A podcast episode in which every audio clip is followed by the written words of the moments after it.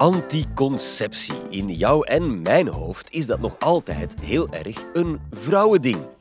Mannen hebben ook gewoon niet zo heel veel opties. Ze kunnen een condoom aandoen of zich laten steriliseren, maar dat laatste dat is wel vrij drastisch. Hoe komt het toch dat mannen niet gewoon een pil kunnen slikken die een zwangerschap voorkomt?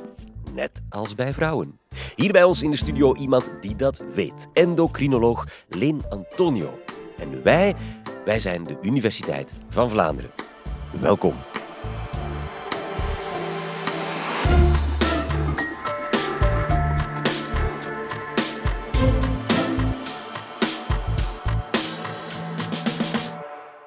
Dag Leen, welkom. Jij bent endocrinoloog aan de KU Leuven. Dat is een moeilijk woord. Hè? Wat doet een endocrinoloog zoal de hele dag? Wel, als endocrinoloog ben ik eh, gespecialiseerd in hormonen. En dus alle uh, ziektes die met hormonen te maken hebben. Uh, en ik zelf ben vooral bezig met eigenlijk problemen van de teelbal. En in de teelbal worden, wordt testosteron gemaakt en worden ook zaadcellen gemaakt. En dus die twee zaken um, ja, bekijk ik heel vaak in mijn onderzoek en in mijn contact met patiënten, ook met mannen die daar problemen mee ondervinden. Ja. Doe je ook onderzoek naar de mannenpil zelf? Zelf doe ik geen onderzoek naar de mannenpil. Uh, dat gebeurt vooral in uh, de VS en in Denemarken bijvoorbeeld. Maar omdat het een, een onderwerp is dat, dat heel vaak opduikt in de media, uh, met weer een nieuwe sensationele titel, dat de mannenpil er gaat aankomen binnen vijf jaar of drie jaar of tien jaar. Um, denk ik dat het toch wel eens ja. leuk is om erover te praten en uh, te kijken waar dat we eigenlijk staan op dit ja. moment. En waarom ze er nog niet is, natuurlijk. Ja, inderdaad. voor jou ook interessante vakliteratuur. Je zei het al, eens in de zoveel tijd is er dat bericht dat de mannenpil er zit aan te komen. En dan sidderen en beven wij mannen natuurlijk allemaal. Uh, maar daarna verdwijnt dat weer, hoor je er niks van. En ze is er nog steeds niet. Wat is de moeilijkheid precies? Waarom bestaat die mannenpil niet gewoon? Wel, een, een grote moeilijkheid is dat er bij een zaadlozing ongeveer tussen de 75 en de 150 miljoen zaadcellen per milliliter zaadvocht vrijkomen. Wow. Dus als er bij een zaadlozing 2 of 3 milliliter zaadvocht is, spreek je over miljoenen zaadcellen. En het is natuurlijk moeilijk om ervoor te zorgen dat je van miljoenen zaadcellen naar een heel laag aantal of geen zaadcellen geraakt om anticonceptief te werken, om eigenlijk een zwangerschap te voorkomen. Ja, oké, we moeten die zaadcellen dus kunnen stilleggen, verlammen, dooddoen, zorgen dat ze stoppen met werken. Ja. Wat, wat, wat, wat, heb je nodig voor een goede zaadcel? Laten we daarbij ja. beginnen. Wat zijn de factoren die we moeten uitschakelen? Ja. Voor een goede vruchtbaarheid bij een man heb je veel zaadcellen nodig en moeten de zaadcellen goed bewegen. En die zaadcellen worden gemaakt in onze teelballen, in kronkelbuisjes in die teelballen. Er zijn meters aan van die kronkelbuisjes. Eh, en daar krijgen ze eigenlijk een, hun genetisch materiaal in het kopje van de zaadcel en krijgen ze ook een staartje om goed te kunnen bewegen. Uh, en belangrijk daar is dat er genoeg testosteron in de teelbal is.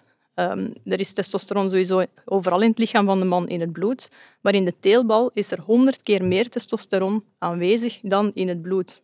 En die, dat hoog gehalte aan testosteron is heel belangrijk voor de zaadcelaanmaak. En dus uh, we hebben genoeg testosteron nodig we hebben ook genoeg cellen nodig waaruit die zaadcellen kunnen ontwikkelen. En die zaadcellen moeten normaal zijn met een kopje en een staart. Ja, dat klinkt een beetje als Shaki in de chocoladefabriek voor mij. Dus we hebben kronkelbuisjes waarin eigenlijk stap voor stap die zaadcellen um, worden gemaakt. Hoe ja. lang duurt dat, zo'n zaadcel maken? Ja, dat duurt meer dan 60 dagen. Wow. Vanuit de kiemcel, dus de cel waaruit de zaadcel begint te ontwikkelen, totdat eigenlijk de zaadcel klaar is in de teelbal. Ja, en waar leren ze dan zwemmen, de zaadcellen? Wel, is er een zwemschool? Ja, dat klopt. Uh, zaadcellen die in de teelbal zitten, kunnen nog niet zwemmen en kunnen eigenlijk ook nog niet de eicel bevruchten. Daarvoor moeten ze passeren langs de bijbal, uh, waar, dat ze, uh, waar dat er nog veranderingen gebeuren in die zaadcel, vooral belangrijk voor de beweeglijkheid. En eigenlijk de allerlaatste stap voor een goede beweeglijkheid van de zaadcel gebeurt pas als de zaadcellen in het lichaam van een vrouw komen. Dus bij de zaadlozing komen ze terecht in de vagina. Ze zwemmen door de baarmoederhals, door de baarmoeder naar de eileider. En in de eileider gaan ze nog eens veranderen, krijgen ze nog een extra ja, push qua beweeglijkheid. En dan zijn ze eigenlijk pas helemaal klaar om een eicel te kunnen bevruchten. Ja, maar wij willen dus vooral geen bevruchting. Ja. Ja, het zijn veel stappen waar we dan op zouden kunnen ingrijpen ja, met ja. Een, een mannenpil. Hoe zorgen we ervoor dat die zaadcel niet slaagt in zijn opzet om dat eitje te bevruchten? Ja. Dus op die verschillende stappen zijn al onderzoeken gebeurd om te proberen um, de aanmaak van zaadcellen stil te leggen of de weeglijkheid te verminderen.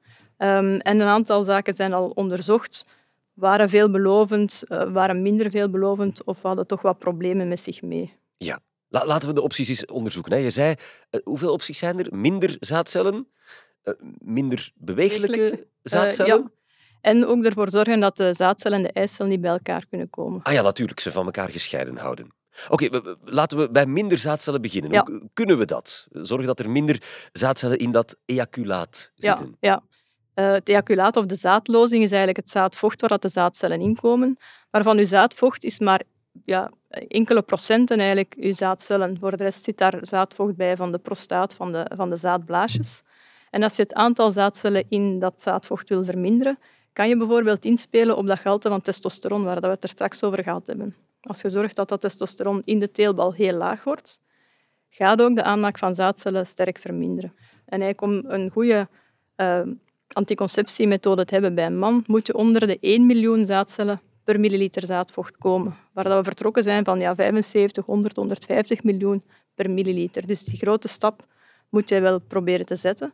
En één uh, mogelijkheid is dat je probeert op de hormonen in de teelbal in te werken en ervoor te zorgen dat daar minder hormonen gemaakt worden en daardoor ook minder zaadcellen gemaakt worden. Is dat al geprobeerd? Werkt ja, dat? Dat werkt, maar dat geeft bij veel mannen ook wel wat bijwerkingen. Dus als je testosteron geeft aan een man die het niet nodig heeft, kan die bijvoorbeeld ja, acne krijgen, uh, zich niet goed voelen, um, warmteopwellingen, mentale moeilijkheden ondervinden. Dan is er ook geprobeerd om verschillende hormonen te combineren. Testosteron met het hormoon progesteron. Uh, dat gaf iets minder bijwerkingen, maar ja, tot nu toe is daar nog altijd geen doorbraak gekomen dat echt een, een, een mannenpil op de markt kan brengen, of niet in de vorm van een pil of in een andere vorm, een inspuiting of een, of een gel dat je kan smeren bijvoorbeeld. Maar uh, is dan nog altijd in onderzoek wat de ideale combinatie is om goed te werken, maar ook goed verdragen te worden. Ja, uh, dus niet de meest aantrekkelijke weg, het verminderen van het aantal actieve um, zaadcellen. Is er nog een andere manier om onder die grens van 1 miljoen zaadcellen per milliliter te geraken zonder die nare spuitjes ja. waar je puisten van krijgt? Ja. Wat dat je ook kan doen, is eigenlijk proberen om de teelbal warmer te maken. De reden dat onze teelballen een klein beetje buiten het lichaam hangen in de balzak, is omdat die temperatuur daar een beetje lager is. En zaadcelaanmaak gaat het best als de temperatuur in de teelbal een klein beetje lager is dan de temperatuur in het lichaam. Als je bijvoorbeeld koorts hebt, als je lichaamstemperatuur stijgt en ook de temperatuur in de teelbal stijgt, ga je ook minder zaadcellen maken. En dat is ook geprobeerd met bijvoorbeeld speciaal ondergoed waarbij de teelballen verwarmd worden of helemaal terug in de buik geduwd worden om ze op lichaamstemperatuur te krijgen, om dan eigenlijk zo de, de zaadcelaanmaak te verminderen. Ja, ik hap hier even namens alle mannen ter wereld naar adem. Wauw, oké. Eh, laten we snel naar die tweede piste gaan, hè, want dat lijkt me allemaal niet super levensvatbaar. Uh, de beweeglijkheid ja. van afgewerkte spermacellen doen afnemen, zodat ze nooit op hun bestemming ja. geraken. Eh, dat, dat is dan ja, het staartje waar we iets aan moeten mm -hmm. doen? Ja, klopt. Uh, het staartje ofwel de, de, de push die ze krijgen van beweeglijkheid in de, in de eileider, om dat te verminderen. Dat is iets van de meer recente onderzoeken dat er gebeurd is, om eigenlijk op bepaalde uh, ionenkanaaltjes, dus waar dat eigenlijk ja, uh, in, in dit geval calcium binnen en buiten de zaadcel gaat, om zo te helpen bij die beweeglijkheid, om die kanaaltjes te blokkeren. En als we dat kunnen doen, dan zien we ook dat die zaadcellen veel minder beweeglijk worden en daardoor ook niet meer tot bij de eicel geraken om die te kunnen bevruchten. En is dat iets wat al gelukt is, of is dat nog theorie wat je nu Dat is al getest in muizen en, uh, of in andere dieren. Uh, en proberen we nu te testen uh, en stappen te zetten om dat ook te, te, te, gebruiken bij mensen. Ja, dus dat is een piste die nog volop ja. onderzocht ja. wordt. En dan de, de derde piste, wat was die ook weer? Je kan proberen om de eicel en de zaadcel niet bij elkaar te laten komen. We kennen ja. dat al van het condoom. Ja, voilà, dat hebben we al eigenlijk. Ja. Uh, daar is ook geprobeerd om iets meer um, definitief te doen. Je kent bijvoorbeeld ook een sterilisatie, waarbij je de zaadleider bij de man kan doorknippen of, of ja, ja, ervoor zorgen dat ze niet meer open zijn. Uh, en daar is eigenlijk gezocht naar een manier om dat tijdelijk te doen. Want een goede anticonceptiemethode is iets dat je ook gemakkelijk terug kan omdraaien als je zegt, nu wil ik wel kinderen.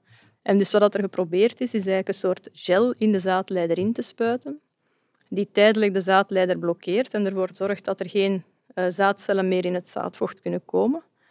En als je dan zegt op een gegeven moment, ik wil wel kinderen, dat je dan eigenlijk die gel terug kan uh, met een andere oplossing de gel terug kan doen verdwijnen, dat de zaadleiders terug openkomen. Klinkt als een uh, ja, op zich haalbare oplossing. Is dat iets wat effectief in de maak is, op de markt kan komen?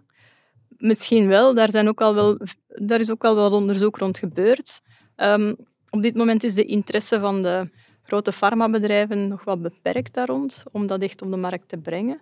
Uh, en is het ook um, ja, moet je ook wel iemand hebben die het goed kan inspuiten op de juiste plaats kan inbrengen.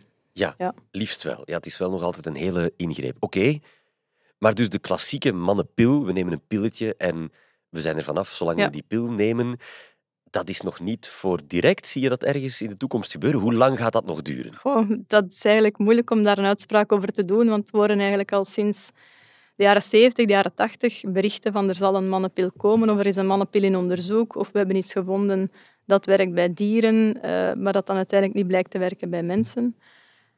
Dus het is hopen op de grote doorbraak, maar er gebeurt wel veel onderzoek wereldwijd om uh, ook een mannenpil op de markt te kunnen brengen. Ja, maar niet morgen. Nee. Dat gaat nog even duren.